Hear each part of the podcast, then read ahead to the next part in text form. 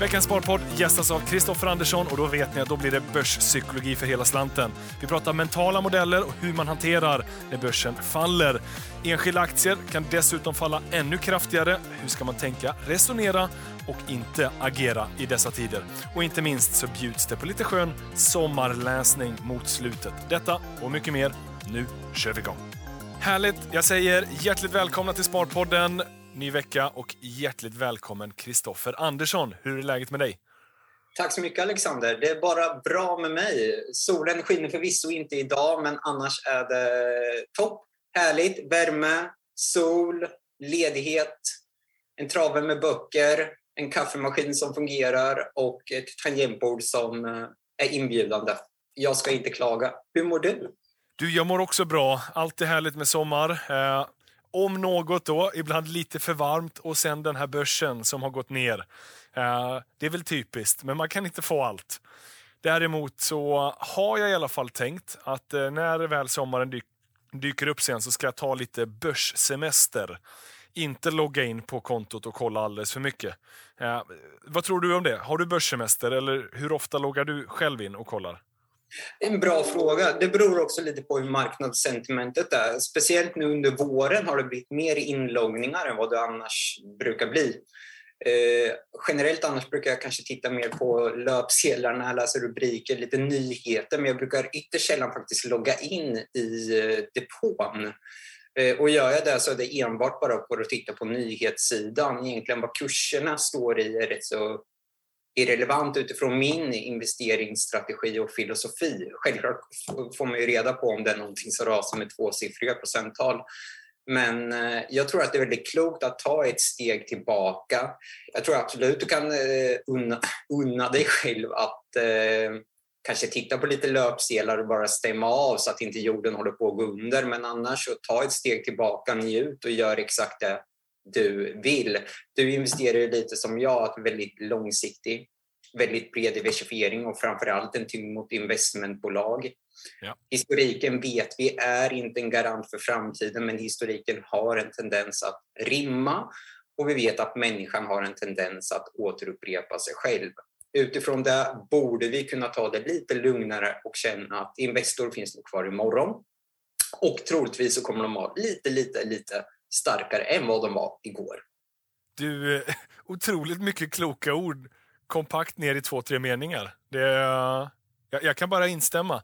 Men det går inte heller eh, vi kommer garanterat prata massa börspsykologi. Det blir naturligt så när jag har med dig här i podden. Och jag vill hugga på en sak. Jag, vill hugga på en sak direkt. Och det är ju det här med liksom självförtroende. Eh, finansiellt självförtroende, börssjälvförtroende.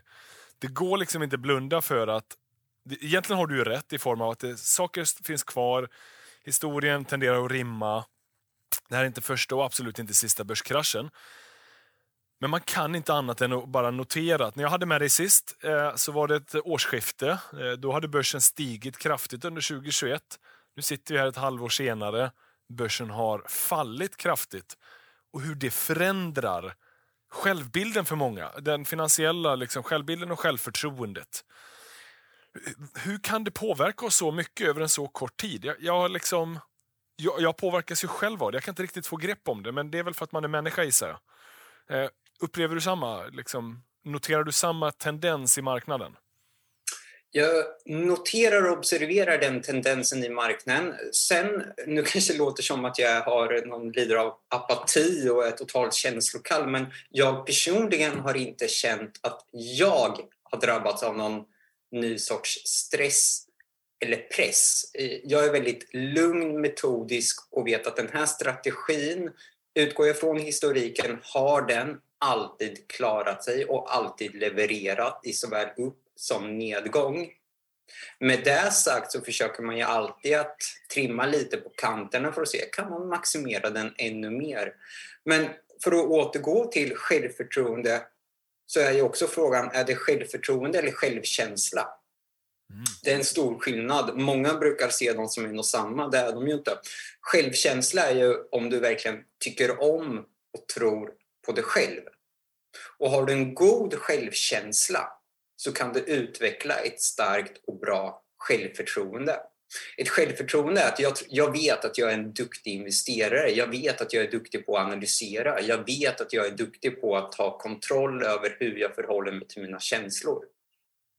Men det är en helt annan sak än att faktiskt tycka om, gilla och faktiskt vara stolt över sig själv.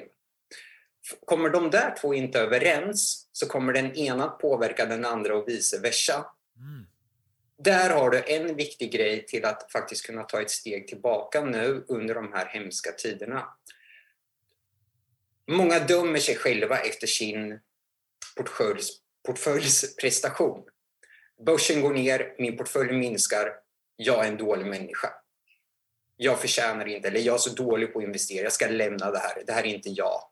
Det är mycket, mycket dåligt. Dels ser vi här ett sänkt självförtroende, men också att man anklagar sig själv och trycker ner sig själv som människa. Tro tusan att det kommer bli ännu svårare att klara och härda ut när man trycker ner sig själv.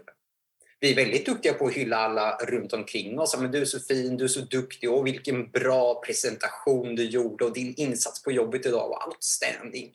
Men hur ofta är vi så mot oss själva? Varför inte istället vända på den här börsnedgången och se okej, okay, det här svider, det gör lite ont, det är som en finne där bak. Hur kan jag ändå vända det här till något starkt? Jag tycker det är det perspektivet vi ska ta. Ja, verkligen. Men, men hur gör man det då? För det är ju inte, det är lättare sagt än gjort att, att övertyga sig själv. De där hjärnspöken, när de väl dyker upp, det är svårt att stänga av dem. Mm. Hur vänder man på det? För det första, vad är din placeringsstrategi och horisont? Är det plus fem år, vilket jag, du och många andra uppmuntrar? Då bör man se det här som ett litet, litet hack i kurvan och kanske en väldigt tacksam tillfälle att eh, öka positionerna eller bara fortsätta som vanligt att månadsspara. Så alltså att zooma ut är det första och viktigaste att göra. Sen vet vi att man ska inte ha pengar på börsen som man är i behov av under de närmsta 3, 5, gärna 7, 8, 10 åren. Det här är pengar som ska växa. Det här är pengar som du just nu inte är beroende av. Vad värdet på dem just idag är, är relativt irrelevant. Fokusera på bolagen, hur bolagen utvecklas. Förr eller senare kommer aktiekursen att följa bolagens fundamentala utveckling.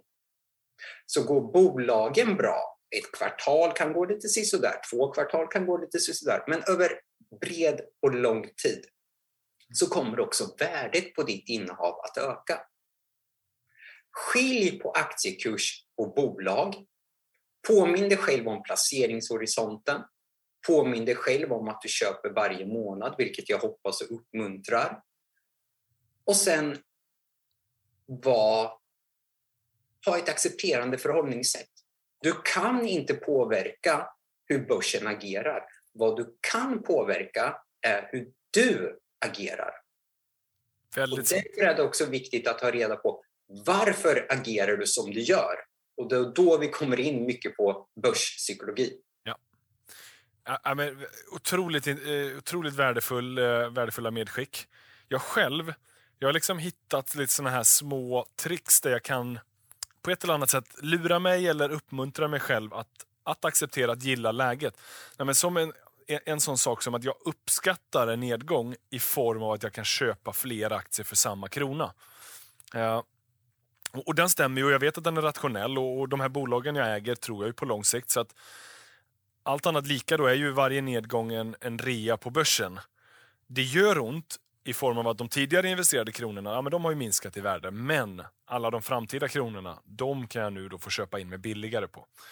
Så, så, så försöker jag övertyga mig själv, för då vet jag att då är min strategi optimerad för att jag ska vara en vinnare oavsett om det går upp eller ner. Mm. Går det upp så är mina tidigare investerade kronor, de, de har ju ökat då. Går det ner, men då får jag möjligheten att köpa fler. Mm. Eh, det kan låta superbanalt, superenkelt, men, men här, för mig funkar det. Jag, och, och, det gör mig övertygad om att köpa varje månad trots att det går ner. Jag vet inte om det kommer funka för alla andra, men, men jag har liksom hittat min sån grej som, som jag kan så här, se det som en form av rea på börsen. Sen är det jobbigt när det går månader efter månader och det bara fortsätter att falla. Men, men lite som vi säger sen tidigare, att vi är båda ganska konfidenta över att nedgångar varar ibland i ett år eller två. Eh, men, men även de kommer vi ta oss igenom. Och så länge bara jag tror att de här bolagen kommer att existera och kanske till och med vara starkare om fem år, då spelar inte det så stor roll. Eh, det, det, gör verkligen, det spelar verkligen inte så stor roll vad portföljen står i nästa vecka. Jag tycker det låter jättebra och eh, jag uppmuntrar ju alla att skriva. Eh, att skriva ner tankar, skriva ner sina analyser och sen följa upp de här. Eh, när du har skrivit under en lång tid, alltså gång på gång skriva, vad är investeringsstrategin? Vad är placeringshorisonten. Varför investerar du i Investor eller Apple eller Starbucks, vad det nu än må vara? Och sen följa upp det här. Och varenda gång det kliar i fingrarna att du vill sälja, du vill rädda vad som räddas kan, du vill fly från lejonet med mera om vi ska koppla till savanismen. Eh, så läs vad du har skrivit. Ja. Och sen innan du gör en transaktion, för det första, ha 24 timmars regeln. Du får inte göra eh, ditt agerande utifrån eh, efter, innan du har låtit det landa under 24 timmar. Alltså sov på saken. Det är det första jag skulle vilja skicka med, att inte göra förhastade beslut. Men också att innan du gör beslutet och när du sitter i själva beslutsprocessen, skriv. Ja. Jag vill sälja nu för att börsen håller på att minska och jag är livrädd att mina pengar kommer att försvinna för då Ofta brukar tankarna ta slut där. Jag är livrädd för att pengarna just nu minskar i värde. Okej, okay? men Alex, ta ett steg tillbaka. Var det inte de pengarna som du hade minst fem år inte behov av? Ja. Var det inte de som skulle vara där egentligen för alltid? Ja, svarar du. Mm. Och har du inte investerat i bolag som gång på gång har visat att de klarar både världskrig, eh, dotcom-bubblan, huskrisen, finanskrisen, pandemier. Har de inte klarat det? Jo. jo svarar du. Mm.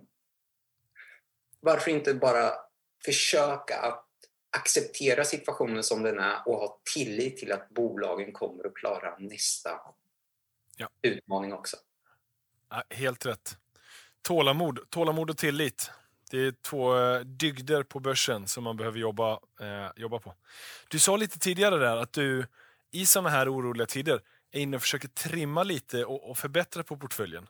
Eh, kan du dela några tankar? Vad gör du i sådana fall? Vad, hur agerar du nu? Om det är något annorlunda än, än liksom över en... Jag, jag, har sett, alltid, jag har alltid haft en bevakningslista på bolag jag eh, har velat äga men det har bedömt att eh, värderingarna har varit på tok för höga. Nu har jag fått möjlighet att köpa in mig i vissa av de bolagen jag tidigare bara man har suktat efter men som man eh, aldrig har varit beredd att eh, kasta pengarna på bordet för. Eh, sen har jag faktiskt inte skalat av någonting i några men däremot är jag väldigt tacksam för att se att eh, strategin jag har faktiskt fungerar. Självklart även jag ner i år. Eh, jag är väldigt ödmjuk till börsen, jag är ödmjuk till mig själv till vad jag tror mig kunna, till vad jag vet att jag inte vet. Men med det sagt så är jag väldigt nöjd med att som mest har jag varit ner nu. Nu är vi här i slutet av juni. Jag har varit ner 13 procent som mest. Eh, totalt på hela portföljen. Jag, jag är lite mer ner kan jag säga. Eh, men med att trimma portföljen, det kan ju vara både att man känner att det här var ett innehav som inte var bra. Jag har missbedömt bolaget. Eh, eller tvärtom att man, oj, nu kan jag ta in det här bolaget som jag väntat väldigt länge på. Just det. Nej, men det, det, finns ju lite eh, verktyg man kan ta till. Det är ju dels den här då att ha en bevakningslista som du är inne på. Alltså bolag eh, som man kanske tänkte så här förra året. Wow, spännande. Jag hade velat äga men var alldeles för dyrt. Kolla om inte de nu är billigare.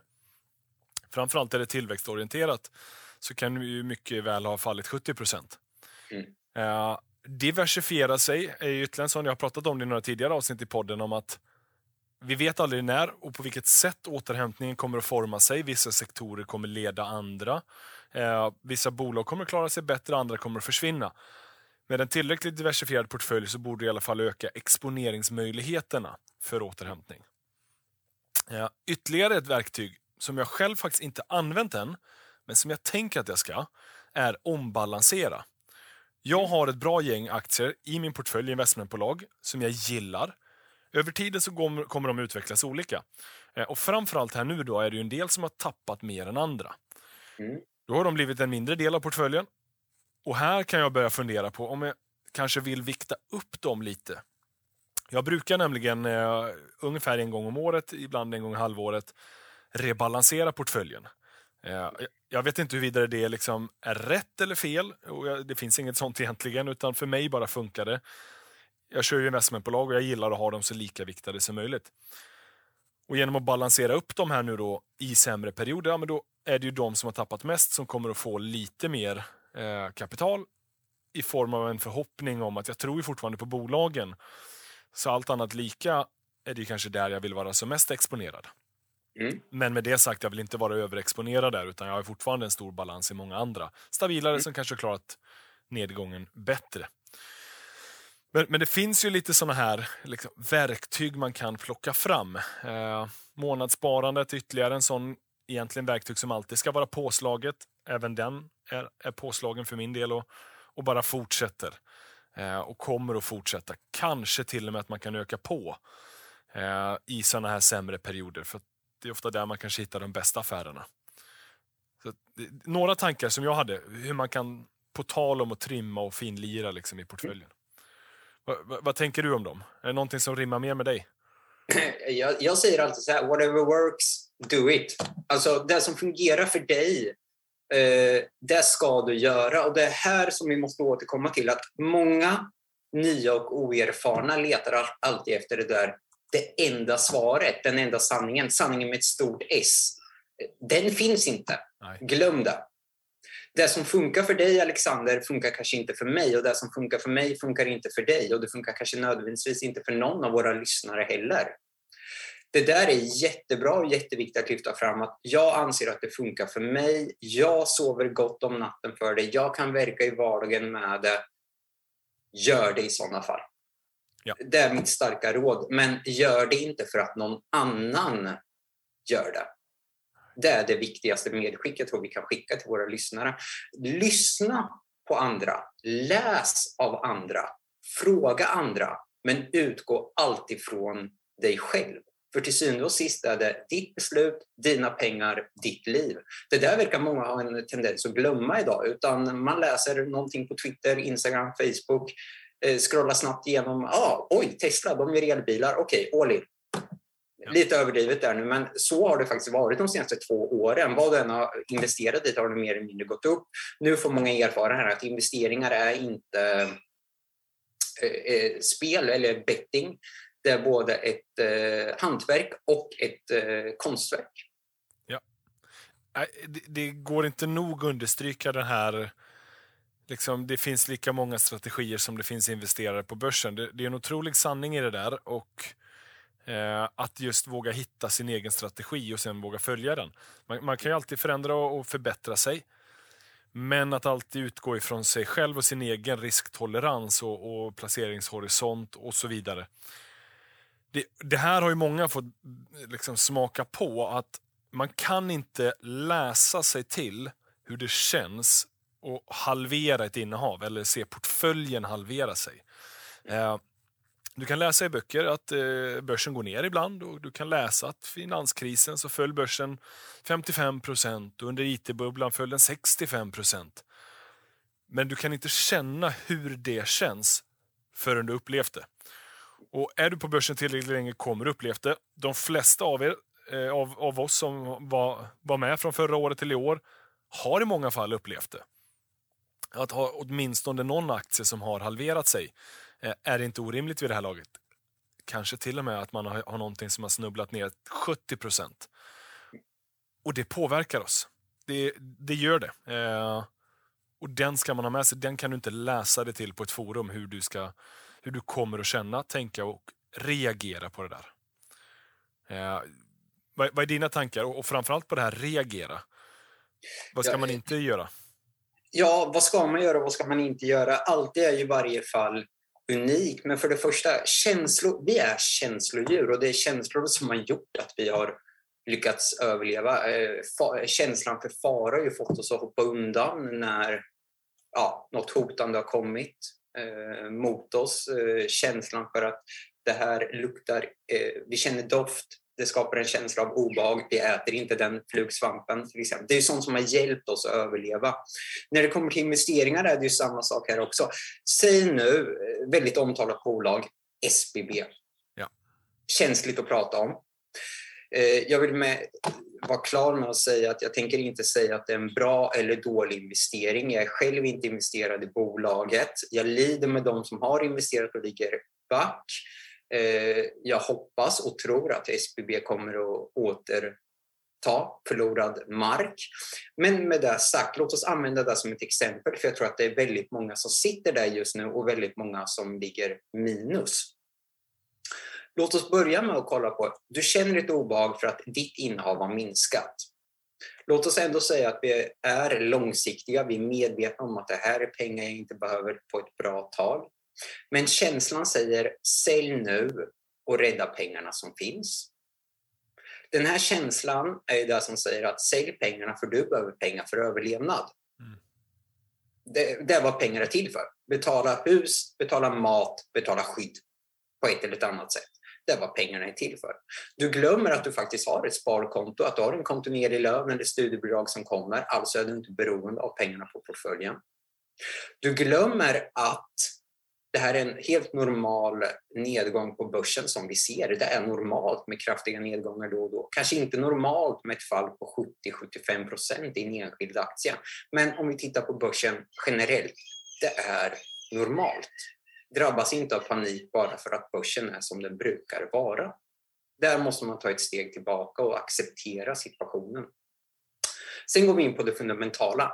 Har något ändrats i SBB?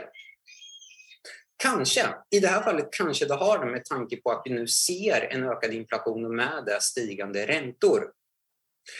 Det finns de som hävdar att SBB har för höga skulder sett till det kassaflöde de genererar medan andra säger att kassaflödet täcker gott och väl både ränteutbetalningarna och utdelningarna. Vilka har rätt, vilka har inte rätt? Det vet jag inte. Så insatt är inte jag. Men med det sagt så ska man inte agera bara för att känslan just nu är rädda vad som räddas kan. Beslutet ska grunda sig i att du sätter dig ner, läser på om bolaget, räknar på hur mycket skulder har de, hur mycket är eh, kassaflöde på rullande 12 månaders sikt från och med idag. Sen får du själv också göra en prognos. Var tror jag och det är hemskt att säga vad tror, för ingen av oss vet, men vad tror jag att räntan kommer landa på och vilken ränta klarar SBB av att betala? Att känslan säger sälj eller köp, en känsla är ingen sanning. Nej. Det är bara någonting som kommer till oss. Vi kan inte kontrollera en känsla, men vi kan kontrollera hur vi förhåller oss till den. Så gå till det fundamentala och grunda ditt beslut på det. Ja. Jätte jättebra. Alltså, I slutändan handlar det om att ta, ta ett rationellt beslut ut efter data som du själv har byggt upp. Mm. För, för, i slutändan, ingen har en aning om vad som har hänt om ett år. Eh, för det är framtiden och den är oviss. Lika oviss oavsett om du är en privatinvesterare eller en analytiker. Mm. Men skillnaden ofta är att en analytiker åtminstone då har en prognos. Sen kan det mycket väl vara fel, men den, det finns en prognos där. Försök eh, göra den. Ja, ursäkta att jag avbryter, men får jag komma in med en härlig anekdot? För jag en prognosmakare, eh, prognos det är ju bara ett mer akademiskt och finare begrepp för gissa. Ja. det, det kan vi enas om. Och eh, prognosmakare, Erik och jag skriver ju vad vi tycker om dem i vår senaste bok, men varje år brukar jag faktiskt läsa om eh, en bok jag har här bredvid mig. Jag håller upp den så kan folk se. Det är en bok jag varmt rekommenderar. Charlie Munger och eh, The Complete Investor skriven av Trent Griffin. Det är en lite rolig anekdot där som jag gärna vill ta, eller en gåta det är faktiskt. Eh, Alex, nu får du gnugga fingrarna, hoppas yes. du är med på det. Eh, en, eh, Charlie Munger, en lyckad eh, prognosmakare och eh, påskharen går in på ett tomt kontor på Wall Street. I mitten av kontoret finns en hög med pengar, ett par miljoner dollar. Eh, våra tre kandidater ställer sig i varsitt hörn och eh, då frågar jag, vem kommer att nå högen med pengar först? Påskharen den lite sega men rationella Charlie Munger eller prognosmakaren som är väldigt snabb och smidig och agil? Oh. lyckad, lyckad eh, prognosmakare här. Han är väldigt framgångsrik. Ja, Okej, okay. nej men då tror jag, jag, jag tror Charlie Munger då. Absolut. Får jag fråga varför? Primärt så var det min instinktkänsla. Eh, jag gillar Charlie Munger. Eh, jag tänker att eh, han har klurat ut någonting utöver det prognos prognosmakaren ser. Liksom, det uppenbara någonting bara, men eh, det kan finnas hinder längs med vägen som man inte ser. Men jag gissar. Jag har ingen aning. Jag har, inte, jag har faktiskt inte hört gåtan, så jag vet inte. Nej, rätt svar är Charlie Munger vinner, för de andra två finns inte. det, var, det var inte svårare än så till och med. Ja, den är lite hård, men det jag vill komma till att ja. eh, du kan själv som privatinvesterare räkna fram lika stora sannolikheter som en eh, expertanalys kan göra. Visst, de har tillgång till kanske fler data, men den datan kan du själv också komma över beroende på hur mycket du är beredd att betala och hur mycket energi du är beredd att avsätta. Eh, köp inte någonting som du läser på Dagens Industri av han, utan gör din egen analys och prata med andra och lyssna på vad de säger. Sök inte bara konfirmationsbias. Och det vet jag att du är väldigt duktig på att inte göra, alltså att inte bara söka konfirmation. Ja, nej, alltså hitta de som tycker motsatsen och, och försök diskutera och se om du inte kan komma till nya slutsatser och insikter. Och där är vi ju SBB. Det är lite synd, men det har ju blivit en sorts häxjakt på Bråse och eh, uttalar sig Wiseroy. Jag är lite osäker på hur Blanka-filmen uttalas. Jo, jo, men det ja, Viceroy. Ja. Tror jag ja, och alla profiler som skriver det minsta eh, negativt om SB så är det som att alla som äger aktier är på direkt och hugger. Och ofta är det personangrepp. Vilket är synd. Eh, för här ska ju fokus vara på vad är det för fakta, motiv och argument som läggs fram. Bemöt dem, inte personen. Ja. Det är helt irrelevant vem personen egentligen är. Om det är Bråsa eller om det är Lisa i Karlstad. Jag skiter fullständigt i vem som har skrivit. Lyssna på argumenten och bemöt dem.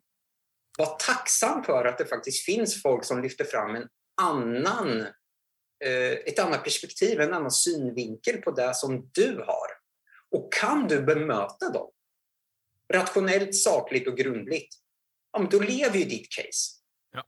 Kan du inte bemöta dem, ja, då är frågan om du kanske har räknat fel eller haft fel i dina analyser. Det finns jättemycket att gräva i där. Det första är ju att pengar berör eh, och det berör oss jättestarkt. Mm. Och jag skulle vilja gissa att det berör mer ju mer koncentrerad du är. Alltså är SBB en liten del av en bredare portfölj, ja, men då kommer det inte beröra dig lika mycket. Det är fortfarande förlust och fortfarande tråkigt. Eh, men det kommer inte beröra dig för att det är inte lika mycket pengar och det är inte lika stor del av din portfölj. Mm. Och Det blir ju en bra påminnelse då, om man nu känner den här hat eller förbannelsen över någon som skriver negativa saker om ens innehav och sen ser man att kursen rasar så drar man direkt slutsatsen att det här är för att någon pratar skit om min aktie så går den ner och då ska jag banne mig ge tillbaka personligen. Mm. Det är en dålig tankevana, en tankeloop att vara i. Eh, försök komma loss ifrån den. Mm. Observera om man befinner sig i den och observera varför. Det kan ju delvis då vara på grund av att man är alldeles för koncentrerad och inte kan hantera nedgången. Eller två, att du har gjort en mindre bra analys och vägrar acceptera detta. Eh, för, för har du gjort en bra analys, om någon skriver negativt och du fortfarande tror på bolaget, du borde ju vara glad. Du får köpa fler aktier billigare. Precis, och hela tiden också att säga, kunna bemöta argumenten, inte personen. Eh, inte tänka att han, han eller hon har en dold agenda, eh, utan bemöt saken och försök att tänka. Men alla vi som investerar, vi har alltid jag har uppfattningen att många av oss har det här elittänket. Vi vill utvecklas, vi vill någonting mer med oss själva, med vår portfölj. Vi vill utvecklas på ett eller annat sätt. Och många av oss upplever nog också att, så här, att jag vill vara... Jag vill inte vara bäst, det är inte det jag pratar om, men ändå liksom jag vill utvecklas. Jag vill bli någonting. Jag vill nå en grad högre. Den bästa versionen av sig själv. lite av kanske elitidrottare. Ja. Och alltså handen på hjärtat Alexander, tror du att Zlatan, Ronaldo, om vi nu använder oss av fotbollsspelare, eller Erik Cantona från den forna tiden, tror vi att de hade nått så långt som de gjorde om de hade haft en tränare eller en ska, eller coach, mentor eller någonting som hela tiden är så, och du är så duktig. Och du har så rätt Zlatan. Oj, oj, oj vad duktig du var idag. Ja, men det gick jättebra. Nej, det tror jag Att faktiskt du inte. snubblade och att du passade fel. Ja, men det, du var så duktig ändå. Nej, jag tror inte det. Troligtvis har väl de någon som står och säger tusan, idag måste du springa snabbare, du måste göra det här mycket bättre, eh, tio armhävningar till med mer.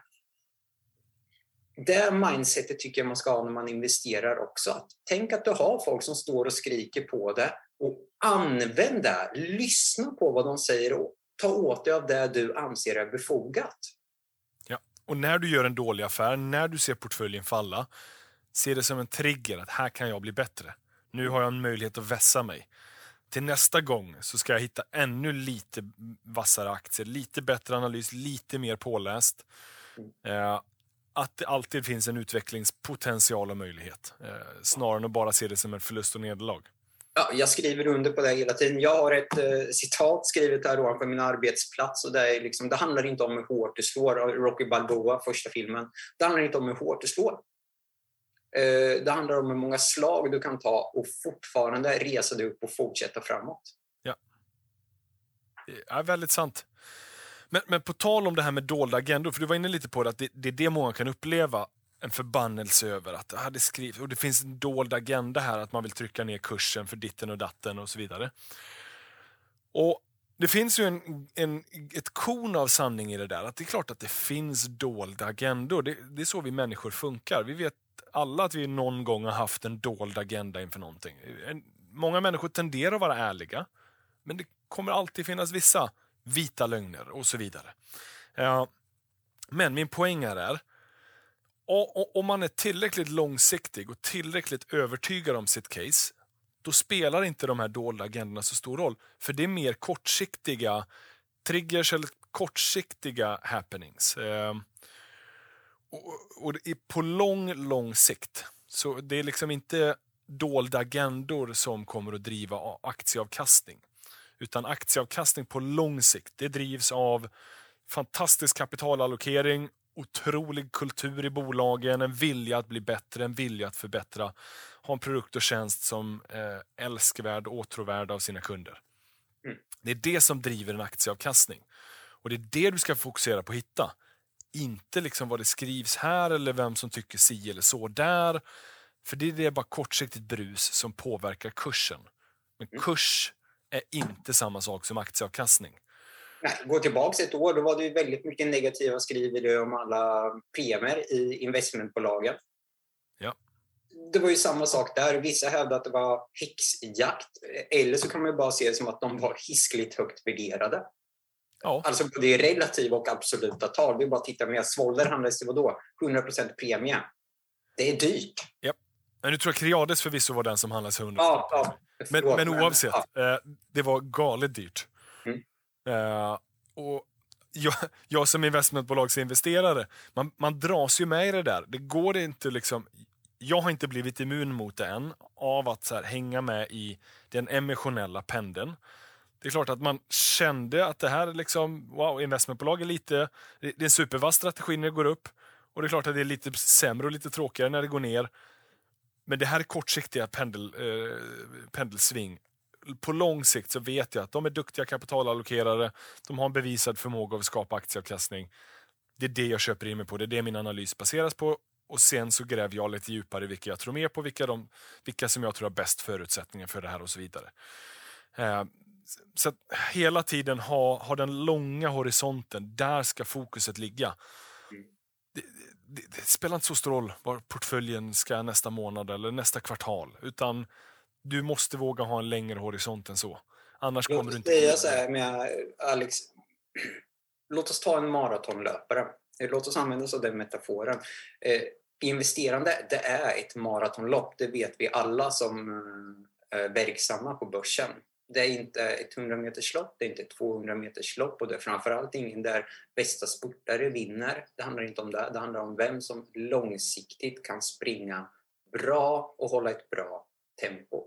Och ska du ge dig ut och springa ett maraton, inte tusan springer du och tittar på dina egna fötter, var du stoppar ner dem exakt nu. Du har fokus på målet. Och målet är vägen framåt. Där ska fokus vara. Självklart ska du se till så att du inte stoppar fötterna i någon grop eller någonting så du ramlar och bryter benet. Men periferin lite neråt på fötterna, men fokus. Långsiktigt. Japp, japp. Målet. På tal om det, jag bara eh, superparentes, men jag reflekterade lite över det där att när det just kommer till löpning, det är många som utvärderar sig själva och jämför sig själva på tid, alltså på hur snabbt jag har sprungit en viss distans. Och då är det inte ett maraton, eller då är det inte den här långsiktigheten man är ute efter, utan då är det liksom sprint. Mm. Oavsett om man nu jämför sig hur snabbt jag kan springa milen eller hur snabbt jag kan springa maratonet. Mm. Att basera sig själv på tid är ett annan, en annan sport än att basera sin prestation på distans. Mm. För Det är väldigt sällan man hör folk diskutera, ah, men jag, jag sprang så här långt. Ja, men hur snabbt sprang du då? Är alltid frågan. Det spelar Mm. inte så stor roll för mig. Jag kom så här långt och det var det viktiga. Och nästa vecka ska jag springa ännu lite längre. Där har man ett långsiktigt mindset. Det är jättebra och eh, jag satt faktiskt och läste, eh, jag är lite i en skrivfas här nu, eh, jag satt och läste en intressant eh, forskningsrapport om det där, eh, låt mig ta bara fram vad han heter.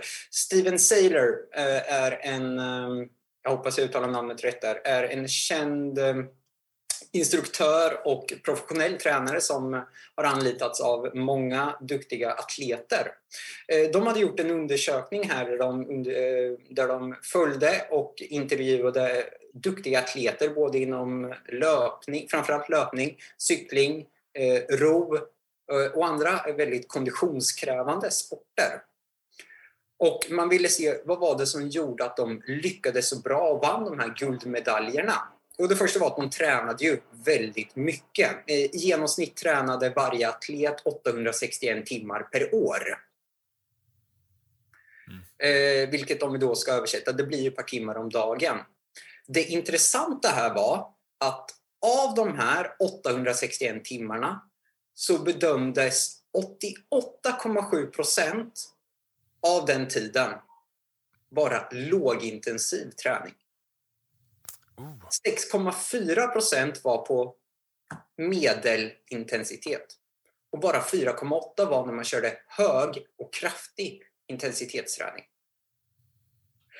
Vad är det man kommer fram till här? Jo, för att vara långsiktig och för att orka och klara av att leva varje dag framåt, inte bara jobba för varje dag. Det är att aldrig prestera på max och högsta nivå hela tiden. Kom gärna ihåg fabeln om sköldpaddan och haren. sköldpaddan, långsam, långsam. Men tar sig ändå framåt. Ja. Haren kan absolut spurta och vinna. Wow, grattis ni som var inne i Fingerprint 2015 till den eh, minskade 2016. Ja, på ett år var ni störst, bäst och vackrast på savannen som en gorilla som står och slår sig på bröstet. Se hur stor, stark och vacker jag är. Men jag tar ju hellre ett Investor eller Svolder och så säger jag att eh, titta, där stod jag för tio år sedan. Titta var jag står nu. Och jag är fortfarande sugen på att fortsätta springa. Långsiktigheten. Ja, jättebra. Du, Kristoffer, du, säger att du sitter och skriver lite. Du har Ja, sagt det några gånger här nu. Jag vill inte säga för mycket, men ja, det finns ett projekt som eh, alltid har funnits inom mig som jag sitter och skriver lite, eller skriver lite, det tar en stor del av min dag nu. Det är strukturerade dagar med, där det blandas läsning och eh, promenader och sen skrivande. Eh, men jag har som ambition att göra ett sorts sista projekt innan jag kommer att ta ett steg tillbaka och ge mig tid till att själv mm, utvecklas ännu mer. Ja. Eh, Så att jag sitter med ett projekt nu, sen får vi se om det blir någonting men det har varit positiv respons än så länge på de som är involverade i det. otroligt spännande. Jag, jag ser redan fram emot, eh, utan att veta allt för mycket, eh, att hugga tag i det. Du, du är ju fortfarande, får man ju säga, ganska aktuell med en ny bok som kom här nu i våras. Mm. Det var första gången vi sågs fysiskt också, eh, på en liten releaseparty här på Nordnet. Mycket trevligt och jag vill tacka så jättemycket för alla insatser du gjorde för releasefesten. Det är, ja, tack så jättemycket. Ja, men du, det var jättekul. Eh, men boken heter ju då Börsen, livet och allting. Som du har skrivit tillsammans med Erik Springhorn. Eh, Mm. Jättebra bok. Jag hade ju med Erik här i samband med att boken släpptes. Så gick vi igenom lite av tankarna, innehållen, eh, innehållet i, i, i boken. Men, det, men det låter på dig som att eh, vi kanske får hugga tänderna i någonting nytt tills nästa år. Då. Kanske. Kanske, får vi se. Men ehm, Härligt. Men du Kristoffer, eh, vi, har- vi har snackat massa klokheter här, men, men det är ändå mitt i sommaren och så vidare. Jag tänker att vi kanske avrundningsvis ska bjuda på lite sköna lästips. När vi ändå är inne på böcker och skrivande och så vidare. Eh, och då är det ju en stående tips, dina böcker om börspsykologi och då börsen, livet och allting. Men utöver det, om vi ska ge lite sköna tips för hängmattan i sommar. mm. Vill du börja med? Har, har du någon bok som du gärna skulle vilja rekommendera till lyssnarna? Jag, jag nämnde ju Charlie Munger-boken här nu som jag varmt rekommenderar. Eh, en bok jag läste, jag har faktiskt radat upp lite för du bad mig förbereda lite böcker att man kanske ville läsa. Eh, den här boken, eh, Richer, Wiser, Happier av William Green. Jag tror det är många som har läst eh, Bernhardsson Investera som mästarna som är en jättebra bok. En bok jag varmt rekommenderar. Ungefär samma sak här, men vi får följa tio eh, erfarna investerare med allt ifrån eh, Munger Buffett till Sir John Templeton med flera. Vad var det som gjorde dem så framgångsrika och vilka egenskaper och förmågor var det som fick dem att lyckas så bra? Aha. Så Richer, Wiser, Happier, en bok jag varmt rekommenderar. Jag har faktiskt Eh. själv inte läst den, så att, eh, jag, blev, jag blev sugen nu. Jag tror att jag kan ha fått den tipsad från dig tidigare. Ja, jag, på releasefesten så Just lyfte det. jag faktiskt fram den till dig. Det. Men det var, så, det var så trevligt och så mycket snack då så det är lätt att man glömmer eh, eller att det hamnar någonstans långt bak där i huvudet. Eh, Charlie Munger-boken har vi redan nämnt. Eh, även om du har läst Poor Charlie's Almanac eller um, The Warren Buffett Way med flera, läs den för den är väldigt, väldigt bra, kompakt. Jag har två till här.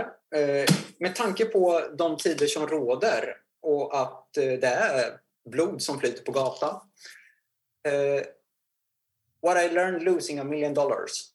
Oh. Dynamiskt mindset och skriven från en som gick upp som en sol, ner som en pannkaka men sen reste sig och återkom. Mm. Riktigt bra bok, inte allt för lång heller för de som vill ha, ja, inte vill ha en tegelsten att läsa. Varm räck där. Och så vill jag avsluta med en bok som jag läste ut så sent som i helgen. Som visar att inte ens Nobelprisvinnare i ekonomin eh, och duktiga investerare lyckas. Eh, jag tror inte det är så jättemånga som hade koll på long term capital trading när de grundades 1994. Det var en hedgefond som tog lite nya använde nya strategier, bland annat konvergenshandel. Gick skitbra i fyra år, sen hamnade de i konkurs. Vad hände? Vad berodde det på? Man får följa allting i den här boken. Riktigt välskriven och eh, väldigt spännande. Och det den visar är att ja, historien kanske inte återupprepar sig, men människan gör det. Undvik hybris. Oh. Du, det där var tre eller till och med fyra böcker då som jag själv inte har läst en enda av dem. Så att här fick jag massa bra, eh, schyssta tips också. Jag, jag är väldigt sugen på Charlie Munger framförallt och sen då Richard Wiser Happier har du, har du ju rekommenderat förr så att jag får nog börja med att hugga tag i dem. Gör gärna det, men jag måste fråga, vad, vad skulle du rekommendera? Nej, men jag skulle rekommendera eh, min absolut senaste bok jag läste. Eh, jag fick den eh, till mig och eh, bara liksom fastnade totalt. Eh, och Det är inte på temat aktier, men det är väldigt aktuellt ändå. Geografins makt, tio kartor som förändrar världen. Oj, Den är skriven av Tim Marshall. Den är numera översatt till svenska. Jag fick den på svenska. Eh, annars gillar jag att läsa på engelska, men, men nu fick jag den på svenska. Med tio kartor som förändrade världen, så då kan man lista ut lite att det handlar om geografi. Mm. I form av att vi får eh, med, eller följa tio olika geografiska zoner, supermakter om man så vill. Det kan vara allt från västvärlden till USA, till Ryssland, till Kina, Indien. Och ur ett geografiskt perspektiv får lite reda på både historien, varför man har de, eh, antingen de kulturer, de sedvanor eller de former av eh, maktkapacitet som man har. Mm. Eh, och framförallt första kapitlet handlar om Ryssland. Boken är skriven 2017-2018. Mm. Eh, mycket av det som står där i eh, liksom spekuleras kring om Ryssland skulle behöva provocera. Vart skulle man då i sådana fall? Liksom, vilka områden är viktiga för dem? Mycket hänger tillbaka till Sovjet. Mycket hänger tillbaka till varför västra delen av Ryssland, och där Rys E- europeiska delen av Ryssland är platt mark, vad det ger för typ av, om vi så vill, självförtroende eller självkänsla för ett land. Och varför Ukraina just ligger i, i en farozon för Ryssland och, och är viktigt ur många olika perspektiv. Det var en bok som öppnade ögonen lite i, i form av att eh, man ska nog inte underskatta liksom, både vad supermakter har för men mentalitet och, och varför de har de mentaliteterna som de har beroende på vart de kommer ifrån. Eh, geografins makt, till Marshall. Otroligt Den tror jag skulle bli jättebra att komplettera med Ray Dalios senaste Changing the World Order. Eh, varm räck på den. Och orkar man inte läsa den boken så finns... Sök på Ray Dalio, eh, Changing the World Order och eh, sen Youtube så kommer du få hans egen 20 minuters presentation när han egentligen kör hela boken på 20 minuter. Det är en väldigt bra visualiserande eh, videosekvens på 20 minuter. Den Ja. tror jag skulle vara jättebra till det. Jag har sett den videon och jag kan bara instämma att den är verkligen är väl kompletterad. Sen har även då Ray Dalio, han har ju lagt många av kapitlerna på sin LinkedIn. Mm. Jag har själv inte läst boken, men jag har läst en del av det han har delat. Eh, liksom, eh, enskilda kapitel om också olika supermakter. Och kanske komplettera också med Guns, Germs and Steels på svenska vetevapen och virus. Ah, Eh, just det. Den tror jag kan bli väldigt fin att komplettera till den här. Jag skrev själv upp boken du tipsade om här Alex, för den blir en läsning till sommaren. Sen kan det vara en bok som jag vet inte huruvida du har läst eller inte, men Investing, The Last Liberal Art av eh, Robert G. Hagstrom. Det är ju även han då som har skrivit The Warren Buffett Way. Mm. Eh, och jag, även Warren Buffett Way är, är bra och jag gillar den och det var länge sedan jag läste den nu förvisso då, men, men den här läste jag ganska nyligen, Investing, The Last Liberal Art. Mycket handlar om mentala modeller eh, och varför investeringar är så mycket bredare än bara fundamental analys, liksom prognostisera kassaflöden, utan man kan hitta eh, lärdomar, insikter ifrån allt ifrån biologin till sociologin, till psykologin, till eh, fysiken och allt däremellan. Och det är de parallellerna som han drar i boken. Så det var också en sån där lite bredare, lite mer ögonöppnarperspektiv. Ja, Jag gillar det. Jag gillar det, för jag är också väldigt för det här breda perspektivet. Har du läst boken? Ja, Du har det? Ja. ja men jag, eh, generellt sett böcker skrivna av honom. Mycket handlar ju om investeringar och framförallt mycket om Buffett och, och Buffetts typ av eh, liksom, logik och rationalitet. Så att det är böcker klart värda att läsa. Eh, men det är den jag vill lyfta. Sen den sista, som inte har någonting med börsen att göra, men allt du behöver veta om Sveriges elförsörjning. Den är skriven av Jan eh, Blomgren och det är från Timbro förlag. Eh, och då fattar man ju direkt på titeln att det handlar om svensk elförsörjning. Mm. Varför jag läste den, det var ju i vintras som jag läste den i samband med att det blev ganska påtagligt med eh, liksom, energipriserna som skenar. Det här vet vi kommer att vara påtagligt över en längre tid. Det här är ganska stora, ganska så, liksom, svåra nötter att knäcka. Hur vi ska se till att lösa energikrisen som vi befinner oss i. Och vi vet att det kommer en ny vinter som kanske blir lika kall eller kallare och vi får inte använda rysk naturgas längre. Eh, och de utmaningar som det kommer med. och så har Otroligt vi ett intressant. val till det också nu. Och så har vi ett val till det där. Eh, ganska lätt, eh, lättläst, inte särskilt liksom stor heller, men, men gav en, en schysst insikt i svensk elförsörjning och lite historiska perspektiv. Eh, nu får man ju förstå att det är från Timbro förlag, så att det finns liksom, det, det är ju en tankesmedja som har sin liksom ideologiska grund, väldigt liberal och så vidare. Men, men jag tyckte det var väldigt, eh, väldigt läsvärd faktiskt. Mm. Tre böcker, fyra från dig Kristoffer. Där har, eh, har vi alla att sätta tänderna i under sommaren. Låter bra. Du, Kristoffer, alltid kul att göra en podd tillsammans med dig.